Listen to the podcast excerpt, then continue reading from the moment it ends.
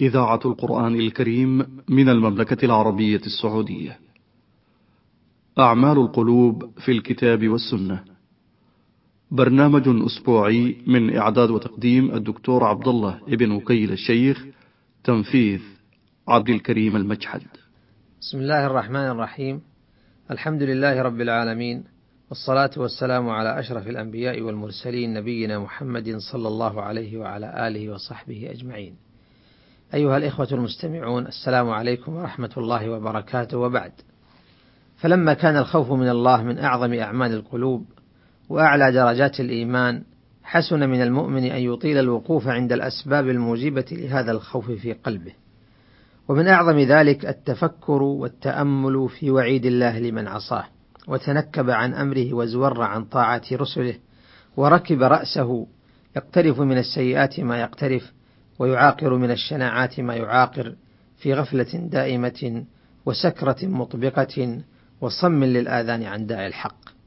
لقد أفاض القرآن الكريم والسنة المطهرة في تفصيل وعيد الله عز وجل للعصاة بذكر أوصاف جهنم، والعياذ بالله بما لا مزيد عليه ويكفي الموفق أن يستعرض تلك النصوص ليحيي قلبه بمواعظ الله ومواعظ رسول الله صلى الله عليه وسلم فالنار والعياذ بالله بعيدة القعر. إذا ألقي الحجر من أعلاها احتاج إلى آماد طويلة حتى يبلغ منتهاها. كان رسول الله صلى الله عليه وسلم مع أصحابه فسمعوا وجبة فقال رسول الله صلى الله عليه وسلم تدرون ما هذا؟ قالوا الله ورسوله أعلم. قال هذا حجر رمي به في النار منذ سبعين خريفا فهو يهوي في النار إلى الآن. أخرجه مسلم.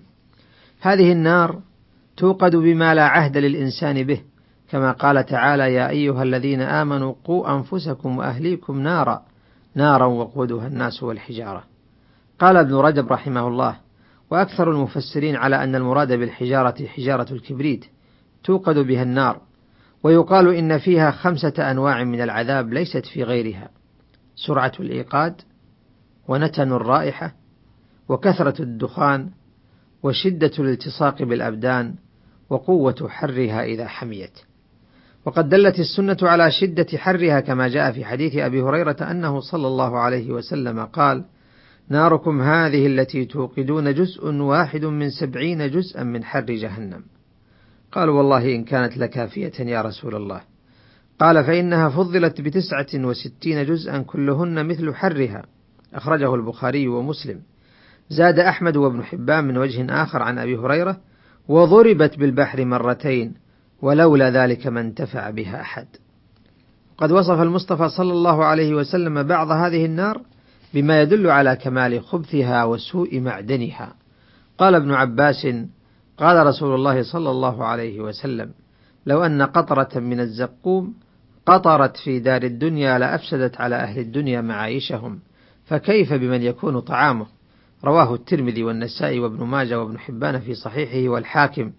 ولفظه والذي نفسي بيده لو أن قطرة من الزقوم قطرت في بحار الأرض لأفسدت أو قال لأمرت أي لجعلتها مرة أو قال لأمرت على أهل الأرض معايشهم فكيف بمن يكون طعامه فكيف بمن يكون طعامه قال الحاكم صحيح على شرطهما. إذا كان هذا أثر القطرة من الزقوم فكيف بها كاملا؟ والزقوم طعام خبيث وصف الله شجرته بما يولد الكراهية لذكرها. فقال عز من قائل إن شجرة الزقوم طعام الأثيم كالمهل يغلي في البطون كغلي الحميم. وقال أيضا أذلك خير نزلا أم شجرة الزقوم إنا جعلناها فتنة للظالمين إنها شجرة تخرج في أصل الجحيم طلعها كأنه رؤوس الشياطين. ولأهل النار طعام آخر هو نوع من التعذيب لا نوعا من سد الفاقة وإزالة الجوع. إنه الضريع شوك بأرض الحجاز يقال له الشبرق.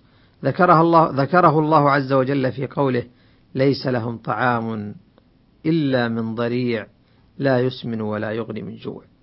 وإذا أكل أهل النار هذا الطعام الخبيث من الضريع والزقوم غصوا به لقبحه وخبثه وفساده. إن لدينا أنكالا وجحيما وطعاما ذا غصة وعذابا أليما. وكما أن العبد أيها الإخوة ينبغي أن يطيل النظر في وصف النار أجارنا الله وإياكم منها. فينبغي أن يكون له نظر آخر في الذنوب والمعاصي التي رتب على فعلها دخول النار.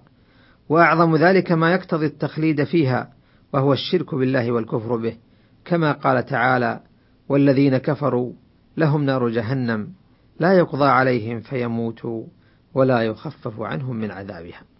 ودون ذلك الجرائم التي تقضي بدخول صاحبها في النار وإن لم تقتضي تخليده فيها كالحسد والكذب والخيانة والظلم والفواحش وقطيعة الرحم والجبن عن الجهاد والبخل واختلاف السر والعلانية واليأس من روح الله والأمر من مكر الله والجزع عند المصائب والفخر والبطر عند النعم وترك فرائض الله واعتداء حدوده وانتهاك حرماته وخوف المخلوق دون الخالق والعمل رياء وسمعة ومخالفة الكتاب والسنة وطاعة المخلوق في معصية الخالق والتعصب للباطل والاستهزاء بآيات الله وجحد الحق والكتمان لما يجب إظهاره من العلم والشهادة لما يجب إظهاره من العلم والشهادة والسحر وعقوق الوالدين وقتل النفس التي حرم الله إلا بالحق وأكل مال اليتيم والربا والفرار من الزحف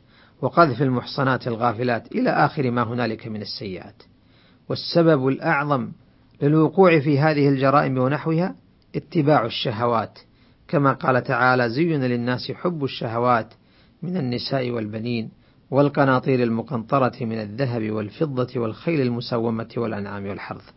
فالعاقل من فطم شهواته لينجو من عذاب الله ويفوز برضاه. إلى أن نلتقي أستودعكم الله. السلام عليكم ورحمة الله وبركاته. أعمال القلوب في الكتاب والسنة. برنامج أسبوعي من إعداد وتقديم الدكتور عبد الله ابن وكيل الشيخ تنفيذ عبد الكريم المجحد.